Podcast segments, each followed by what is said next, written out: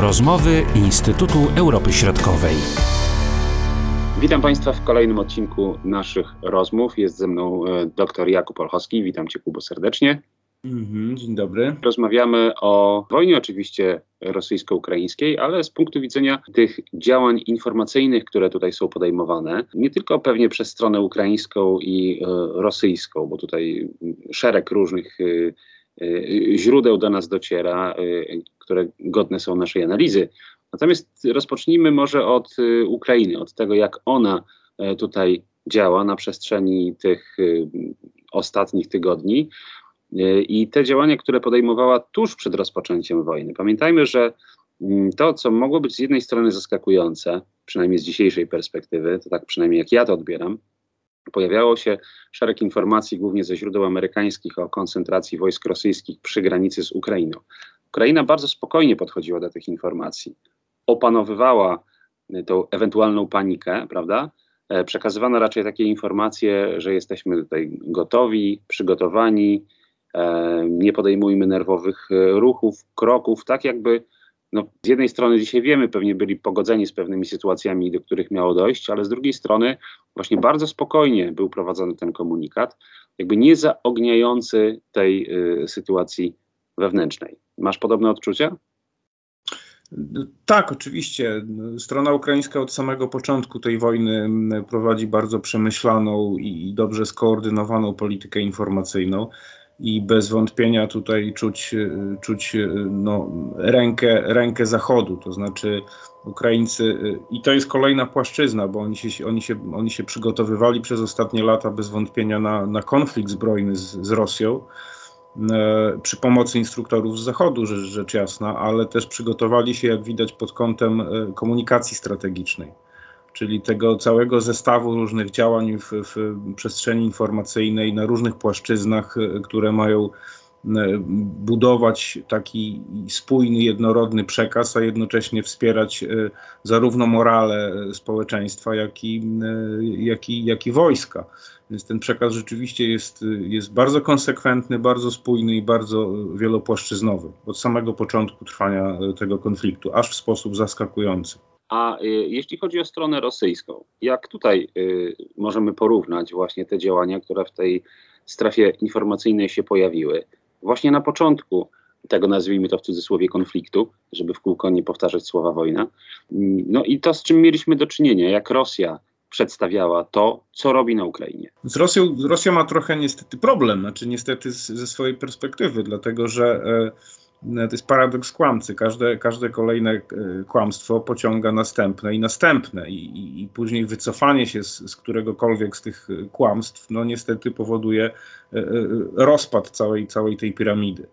No i, i dlatego Rosja ma pewien problem, dlatego że to przecież nie, to, to, to nie miała być wojna. To, to miała być specjalna operacja wojskowa, która najprawdopodobniej miała trwać kilka dni.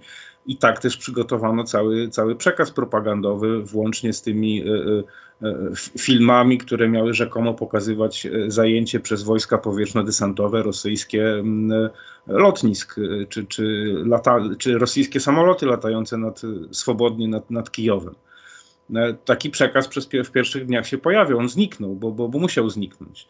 I teraz Rosja, Rosja stanęła w, w obliczu przedłużających się działań zbrojnych, które zresztą nie, niekoniecznie po ich myśli idą, i jakiegoś informowania o tym. Natomiast nie mogą powiedzieć społeczeństwu rosyjskiemu, że trwa wojna, bo przecież to by przewróciło całkowicie e, cały ten przygotowywany od dawna e, plan e, marketingowy, tak to, tak to nieelegancko nazwijmy.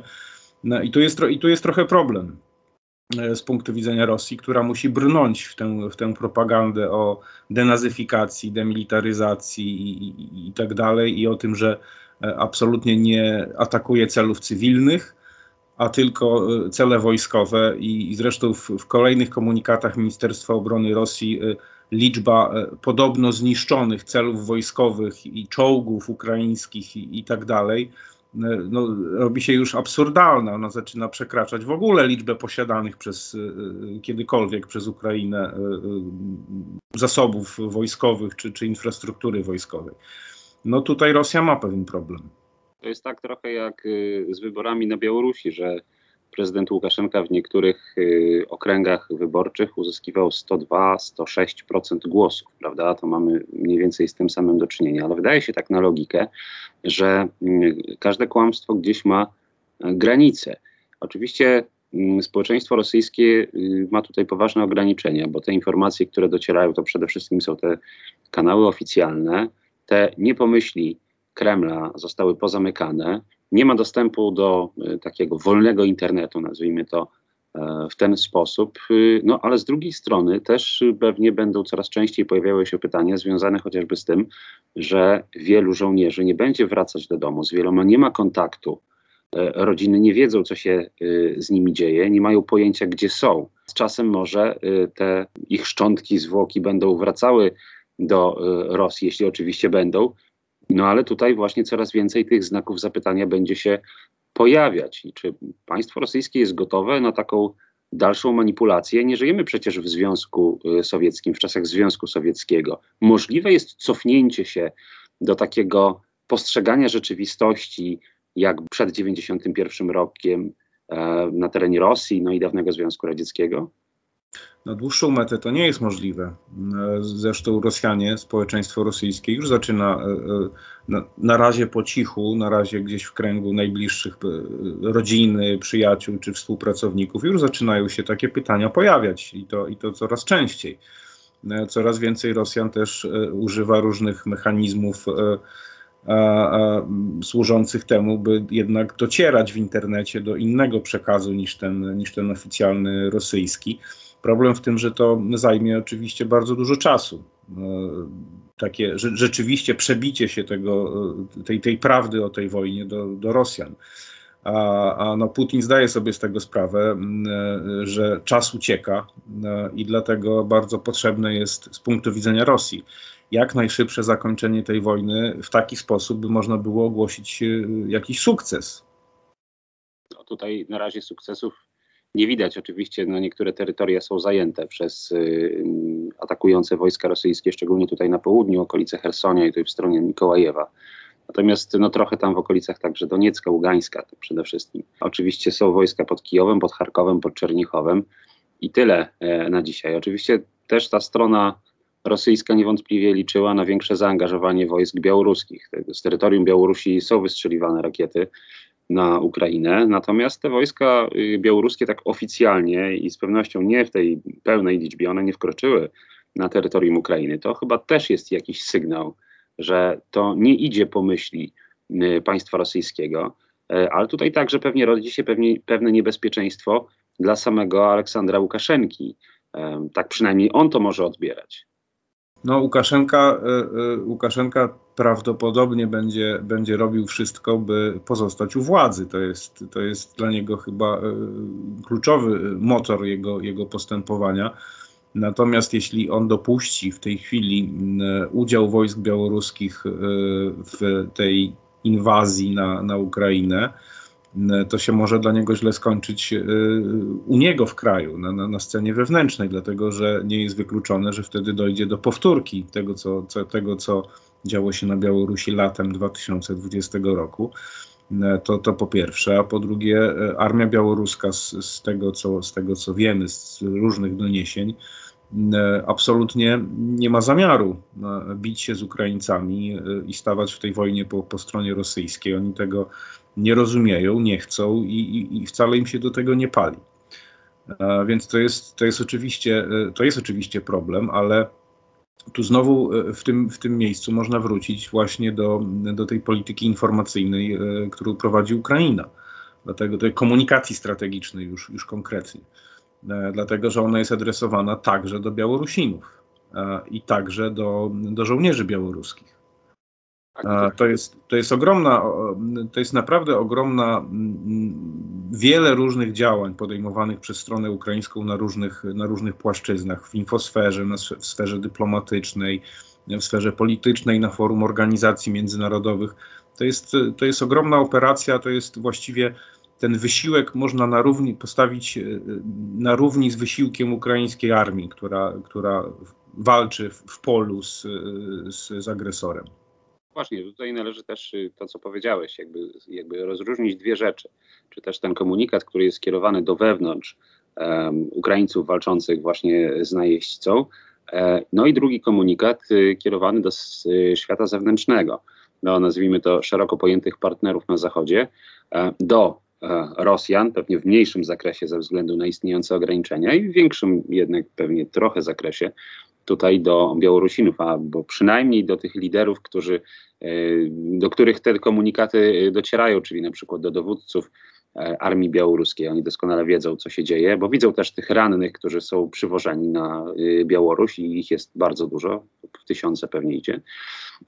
No i także tych, tych zabitych żołnierzy rosyjskich, czyli oni jakby tutaj z jednej strony ten komunikat państwa Y, ukraińskiego kierowany do nich weryfikują też y, z tymi faktami, czyli właśnie z tymi rannymi, którzy przyjeżdżają na Białoruś. Stąd też taki pewnie, a nie, stąd też takie, a nie inne zaangażowanie e, Białorusinów.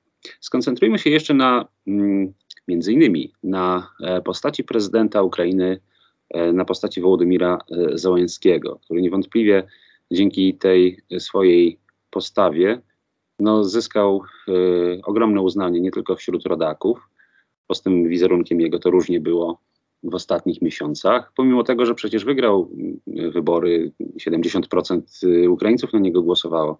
No ale potem był wyraźny spadek, to wiemy. Natomiast y, dzisiaj no, niewątpliwie nie myśli, y, zachowując się tak, a nie inaczej o kolejnej turze wyborów, tylko ratuje swoje państwo. No i jak y, właśnie tutaj oceniasz tą komunikację, którą prowadzi e, prezydent Wołodymyr Zełenski.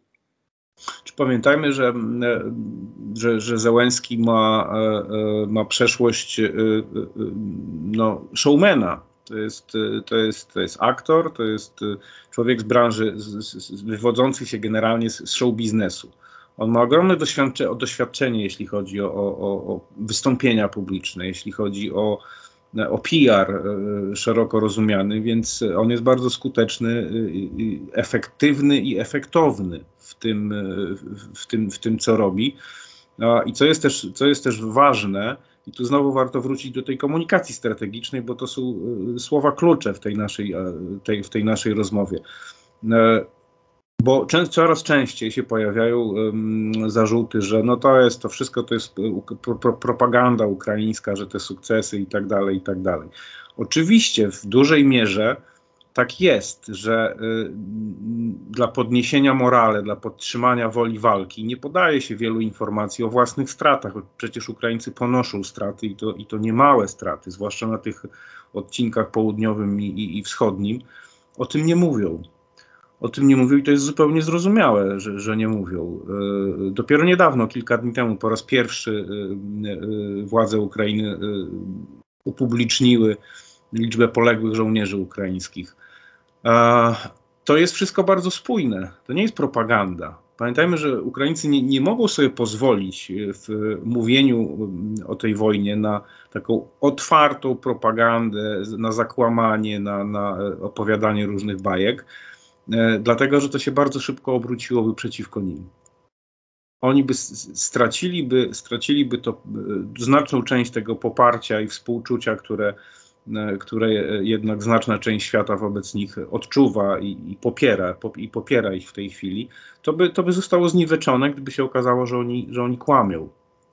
Zwłaszcza, że no, muszą się jednak przeciwstawiać, czy stawiać e, się, stawiać się naprzeciwko tej machiny, e, tej, tej, tej machiny rosyjskiej propagandy. Nie mogą dopuścić do tego, by postawiono, by pojawił się znak równości między tym, co mówią Rosjanie, a tym, co mówią Ukraińcy.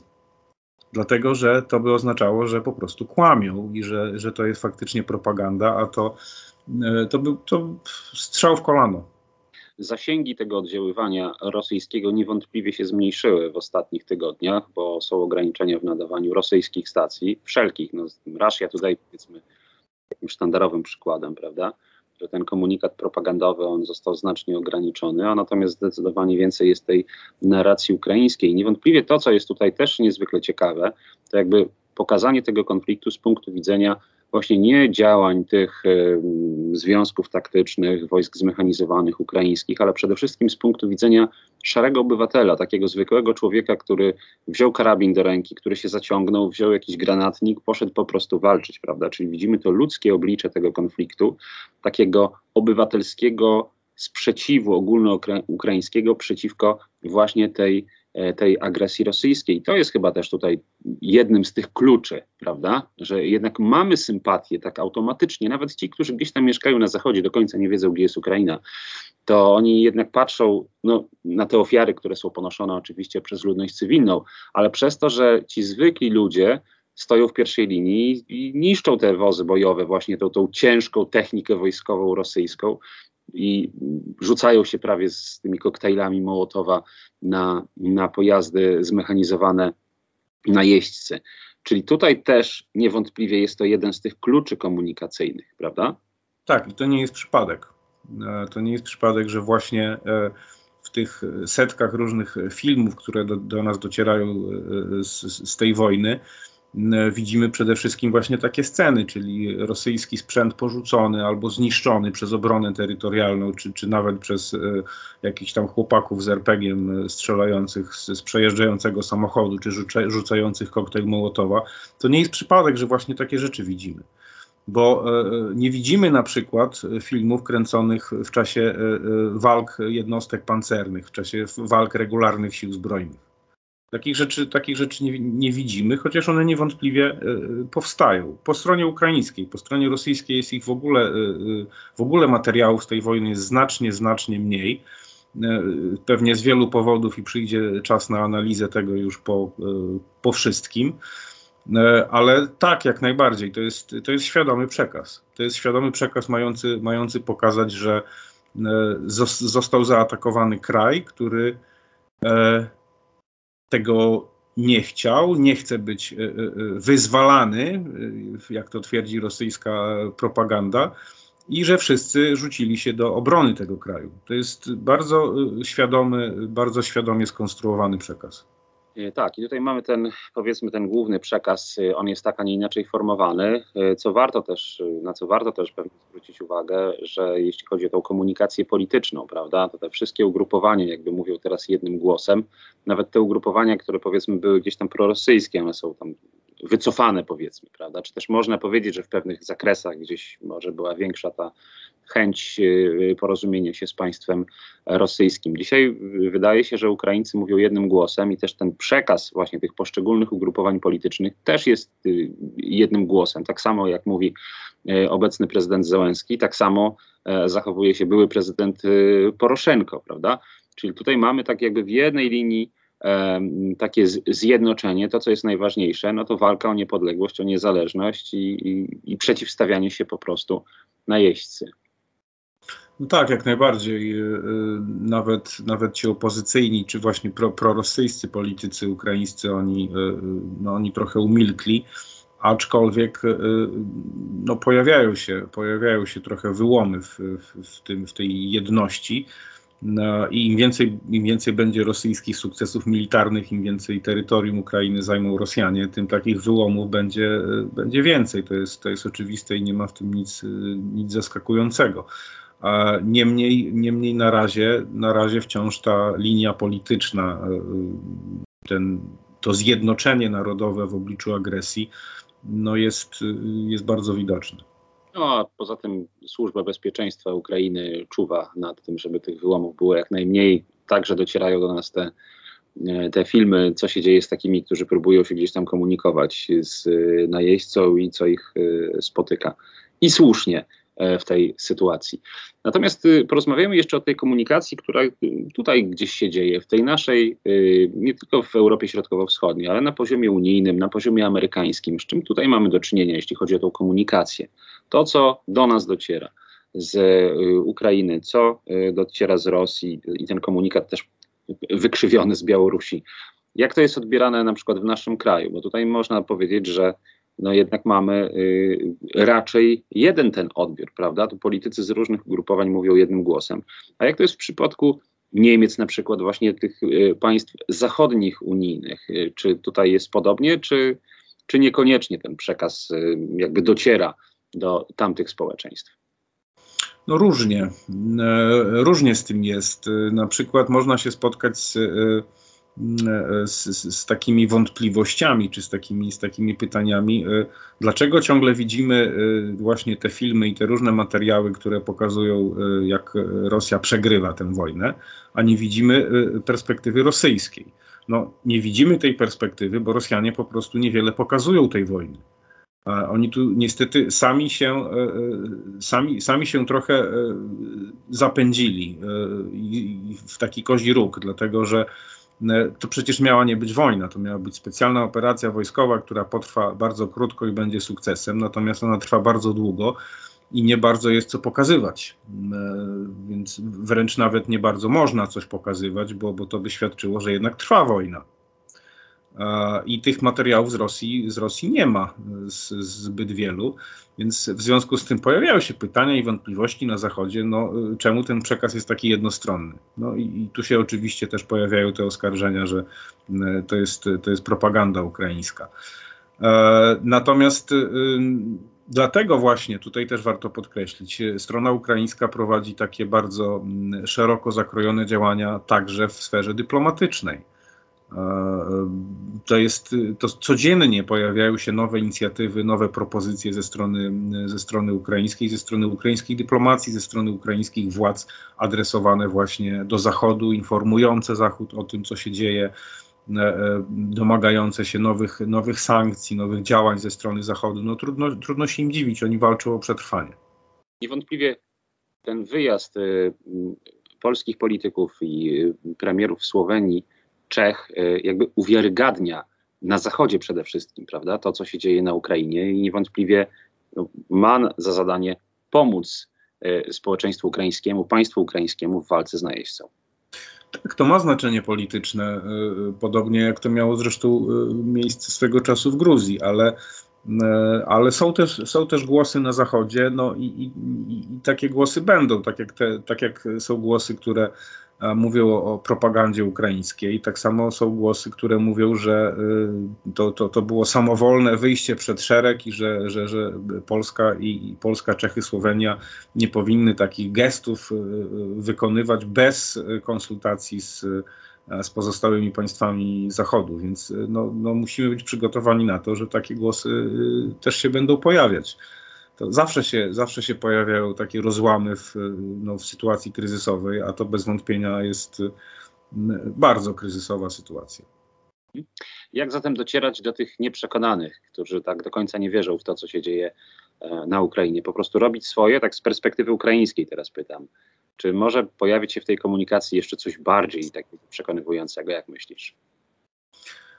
E, robić swoje, e, robić swoje, kontynuować e, tę formułę, formułę komunikowania, która, która w tej chwili, no, którą w tej, która w tej chwili jest realizowana, bo to jest robione naprawdę dobrze. To, że, to, że nie trafia do, do wszystkich i że są wątpliwości i, i tak dalej, to, to jest oczywiste, także biorąc pod uwagę, jak rosyjska cała ta machina informacyjno-propagandowa przez, przez wiele lat pracowała na Zachodzie jaki wizerunek tworzyła, e, jaką wizję stosunków międzynarodowych, wizję Ukrainy, obraz Ukrainy, obraz Rosji, stosunków rosyjsko-ukraińskich. To jest oczywiste, że przez to się nie da przebić czy, czy, czy, czy tego zniwelować efekty tych działań e, w krótkim czasie. Natomiast Ukraińcy to, co robią, robią, robią bardzo dobrze i, i powinni to kontynuować. Tego im życzymy i życzymy oczywiście, żeby ta wojna skończyła się jak najszybciej i oczywiście z sukcesem dla strony ukraińskiej.